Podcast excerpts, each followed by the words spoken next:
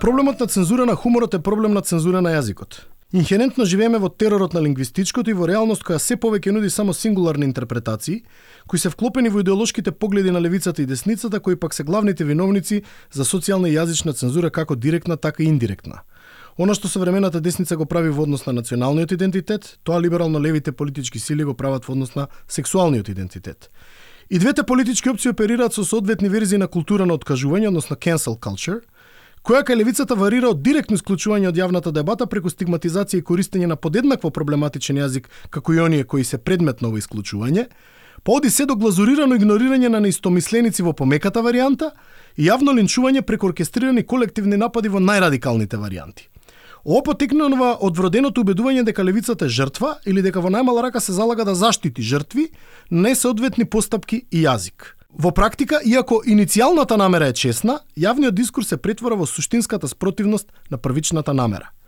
Соодветната верзија на десницата е дискурсот на предавници и патриоти, што е само погруба, подиректна и често крајно агресивна верзија на левичарскиот cancel culture, но која е лишена од какви било интелектуални напори и оди директно кон јавен линч, посрамување на таргетираните, а нередко и повик на физички линч. И овој дискурс своите корени ги влече во виктимизирачката самоперцепција на загрозеност на националниот идентитет, но и од неможноста да се толерира каква било поинаква верзија на разбирање на истиот, освен онаа која е најорганска, има најголем број на митолошки, односно митомански елементи. Хуморот во клинчот новија две идеолошки сили останува да функционира во крајно стеснет простор, внимавајќи да не повреди ничии чувства, бивајќи санитизиран од обата идеолошки правци, исчистен и се повеќе поминат низ клизмата на политичката коректност. По овие зафати хуморот е соодветно адаптиран на пожелниот новоговор, со само еден мал недостаток. Тој веќе ниту е хумор, уште помалку е смешен. За оваа нималку смешна тема разговараме со професор доктор Бобан Карапеевски од филолошкиот факултет и професор доктор Александар Таковски, лингвист и дефинитивно најупатениот експерт во државата, со најголем број на трудови со импакт фактор од областа за која зборуваме и професор на ААБ коледжот во Приштина.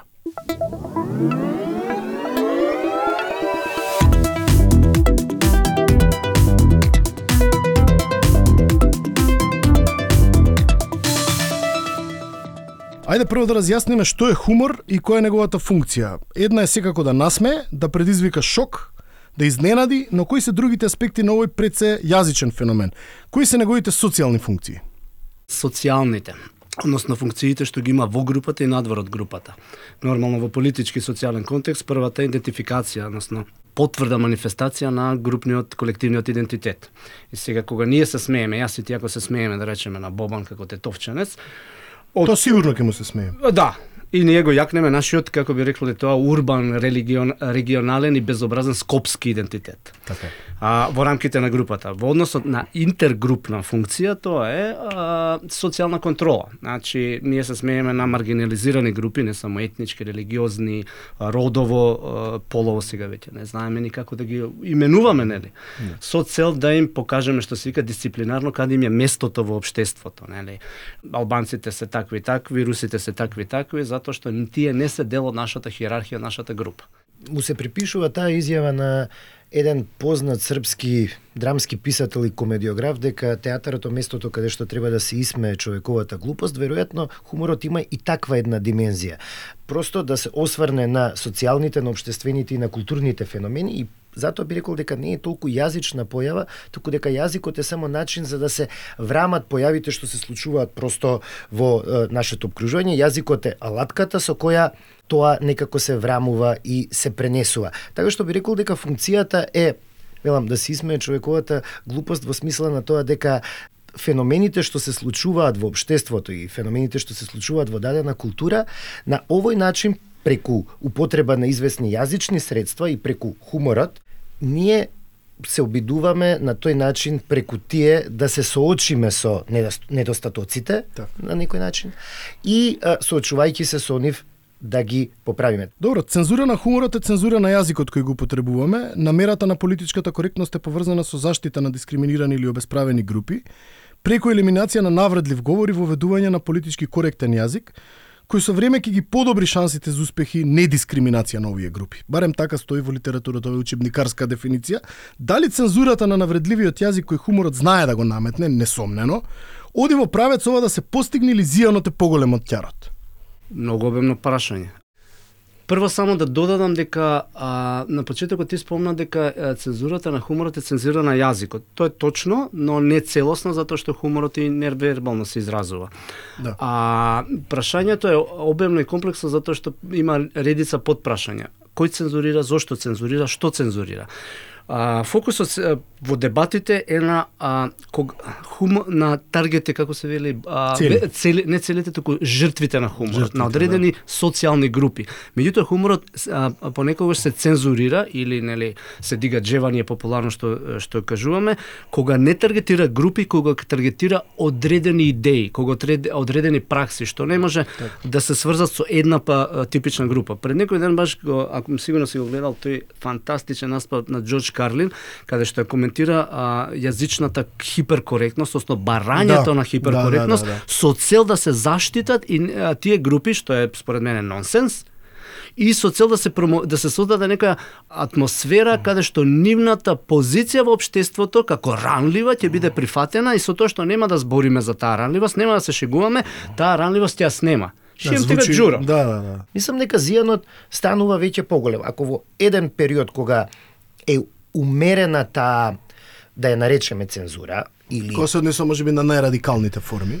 така, или во некоја прва фаза во која таа не е толку агресивна. Туку вие само се обидувате да подучите дека има луѓе Знае што да навреди, да. што може би не се чувствуваат најзгодно кога така ќе им се обратите.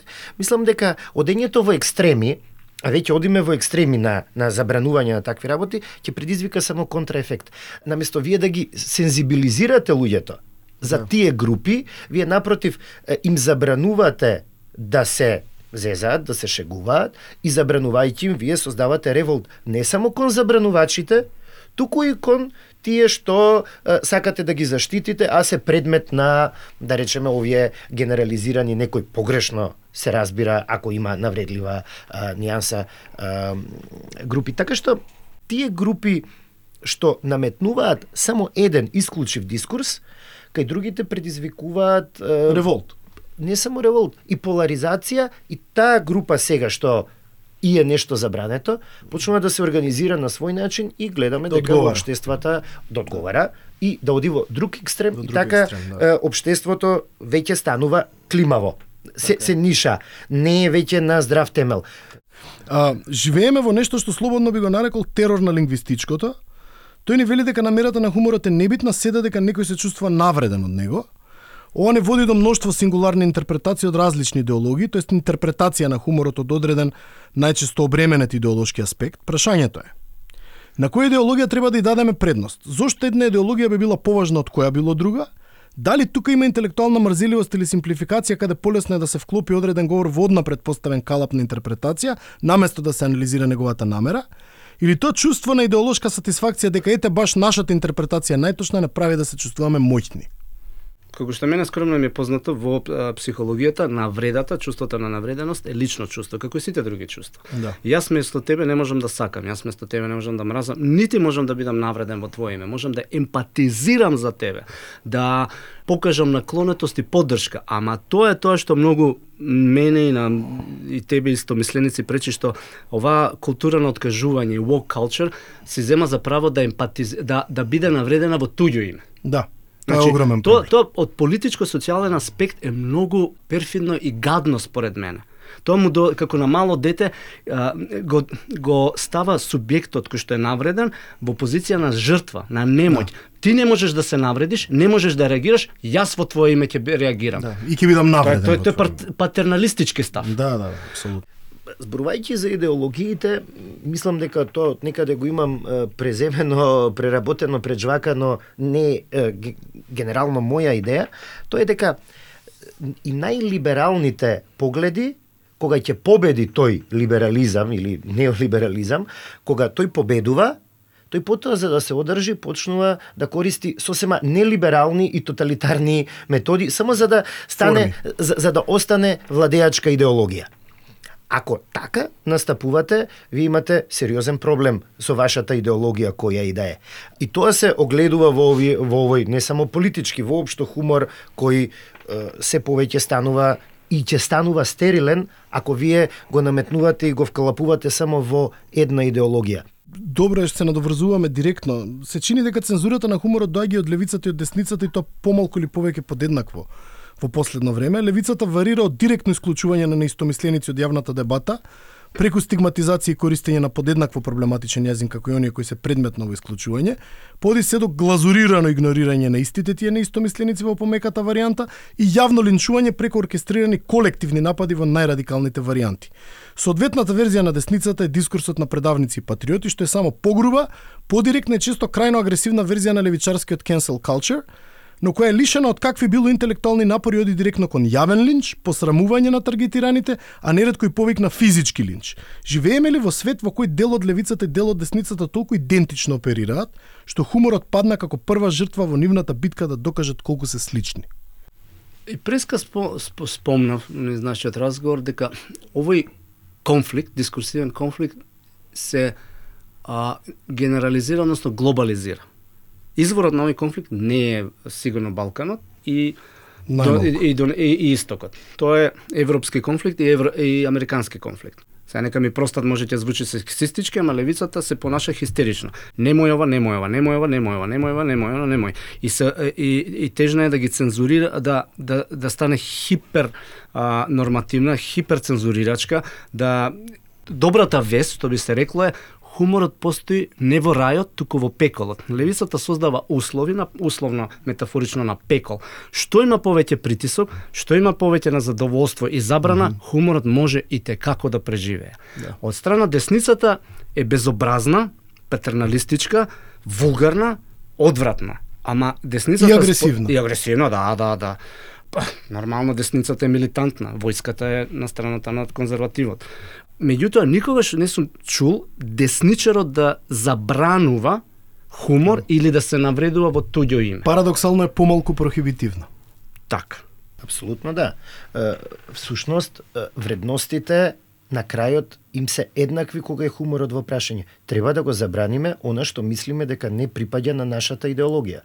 Само што работата е што левичарите ќе ви кажат дека тоа го прават за општо добро, за општо генерално добро, за доброто на човештвото, а десничарите во поделбата на патриоти и предавници веројатно ќе ви кажат дека тоа е добро за семејството, дека тоа е добро за државата, дека тоа е добро за општиот морал, за општиот морал и така натаму. Но а, цензурирањето, да не биде тоа пресилен збор, ама а, забранувањето или стигматизирањето на определени зборови или определен начин на зборување во јавниот дискурс постои од секогаш.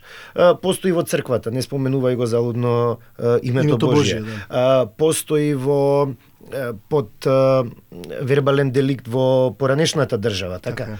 Имаме книгата од професор Маријановиќ. Од професор Маријановиќ кој вели дека ако вие имате право на свое мислење, секогаш имате право на свое мислење, тоа некогаш може да биде и погрешно мислење. Така е. Ви имате право сега да ја повлечеме паралелата и да кажете виц, и да, има право тој виц понекогаш да биде глупав и никој да не ви се насме, ама имате право да го кажете.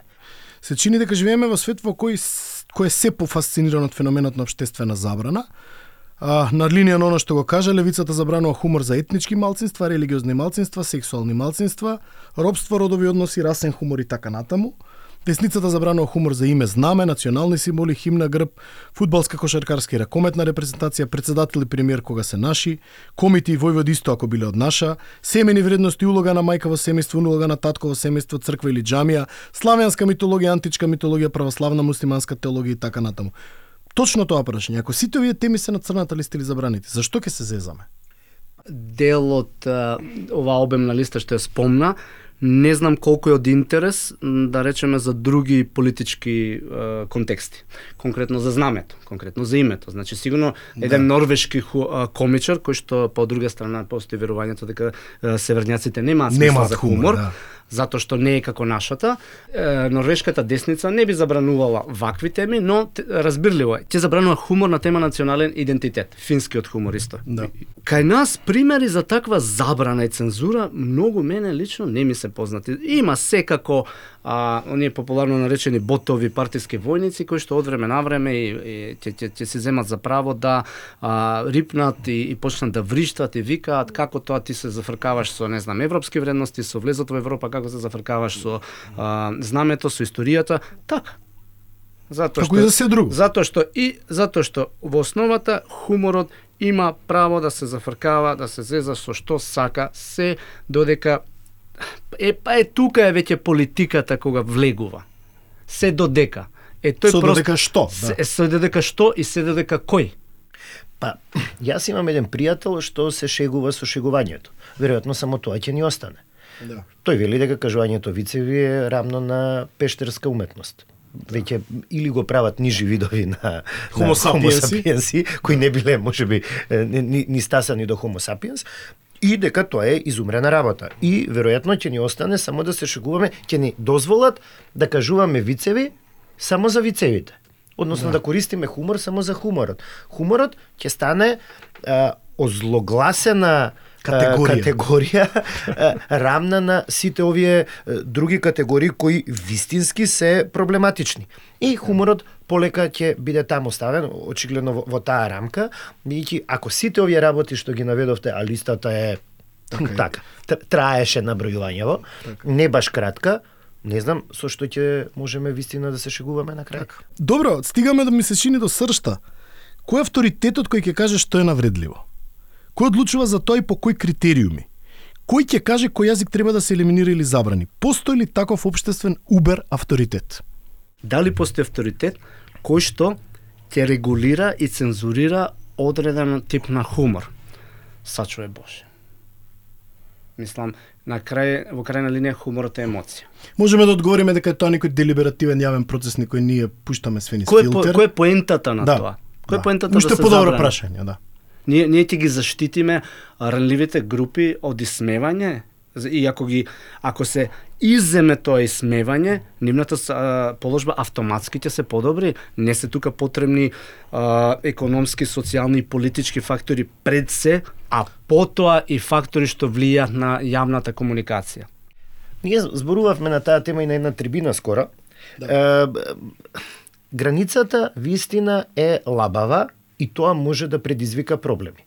Треба да си поставиме некои граници што ќе влезат во рамките на моралното и на етичното повеќе, општо сватено, а не во моралното и етичното идеолошки сватено.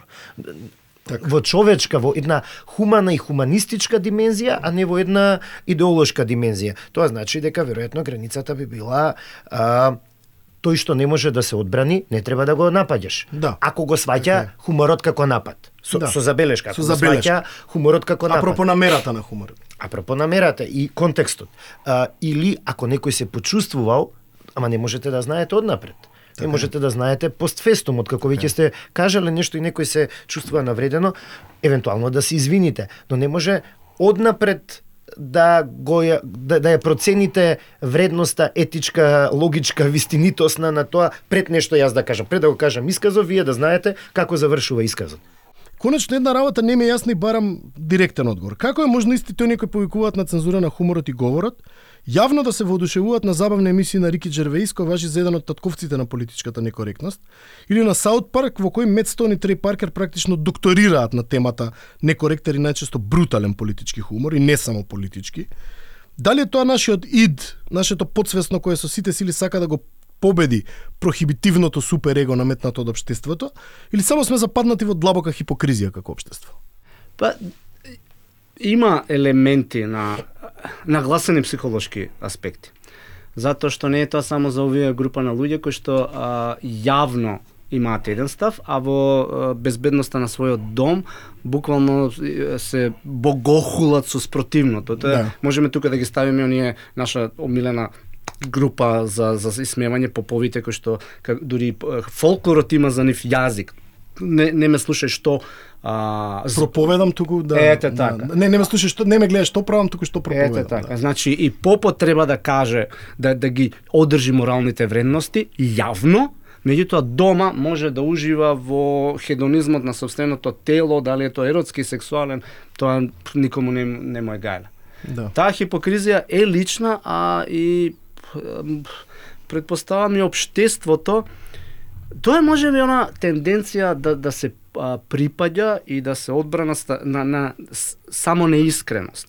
Зошто сакам да припаѓам во група во која што моето лични потреби и задоволства не се компатибилни. Ако јас сакам да се смеам на Рики Джервейс дома, зошто надвор да го критикувам Рики Джервейс? Затоа што само Да. што ќе ме за, за да не ме одсрнат и исфрлат од групата? Во поп културата имате такви некои изјави од типот на Шелдон Купер преземено од големиот филозоф Хомер Симпсон дека смешно е само тоа што е вистинито. ако ако одиме во таа насока, тогаш ќе добиеме стерилен хумор. Овие што од на еден начин се воодушевуваат на тој субверзивен хумор, Да. а, го нарекувам субверзивен сега условно така Условно, секако, секако. во една широка рамка а го забрануваат очигледно само одат во прилог на, на тезата од прашањето дека длабоко во себе ние сакаме да ги е, вербализираме сите оние работи за кои од нек, поради некакви други причини во општеството ни се наметнуваат известни рамки. Ова беше последниот подкаст за оваа година. Јубилеен 12-ти. Се надевам дека времето поминато со мене и тимот кој работи на овој подкаст ви беше интересно. Имајте убави новогодишни божикни празници, ве поздравуваат Ана, Младен, Александар и секако мојата големкост Ненад Марковиќ. Се слушаме до година. За крај, како што е редот еден виц. Што е разликата помеѓу сопруга и магнет? Магнетот има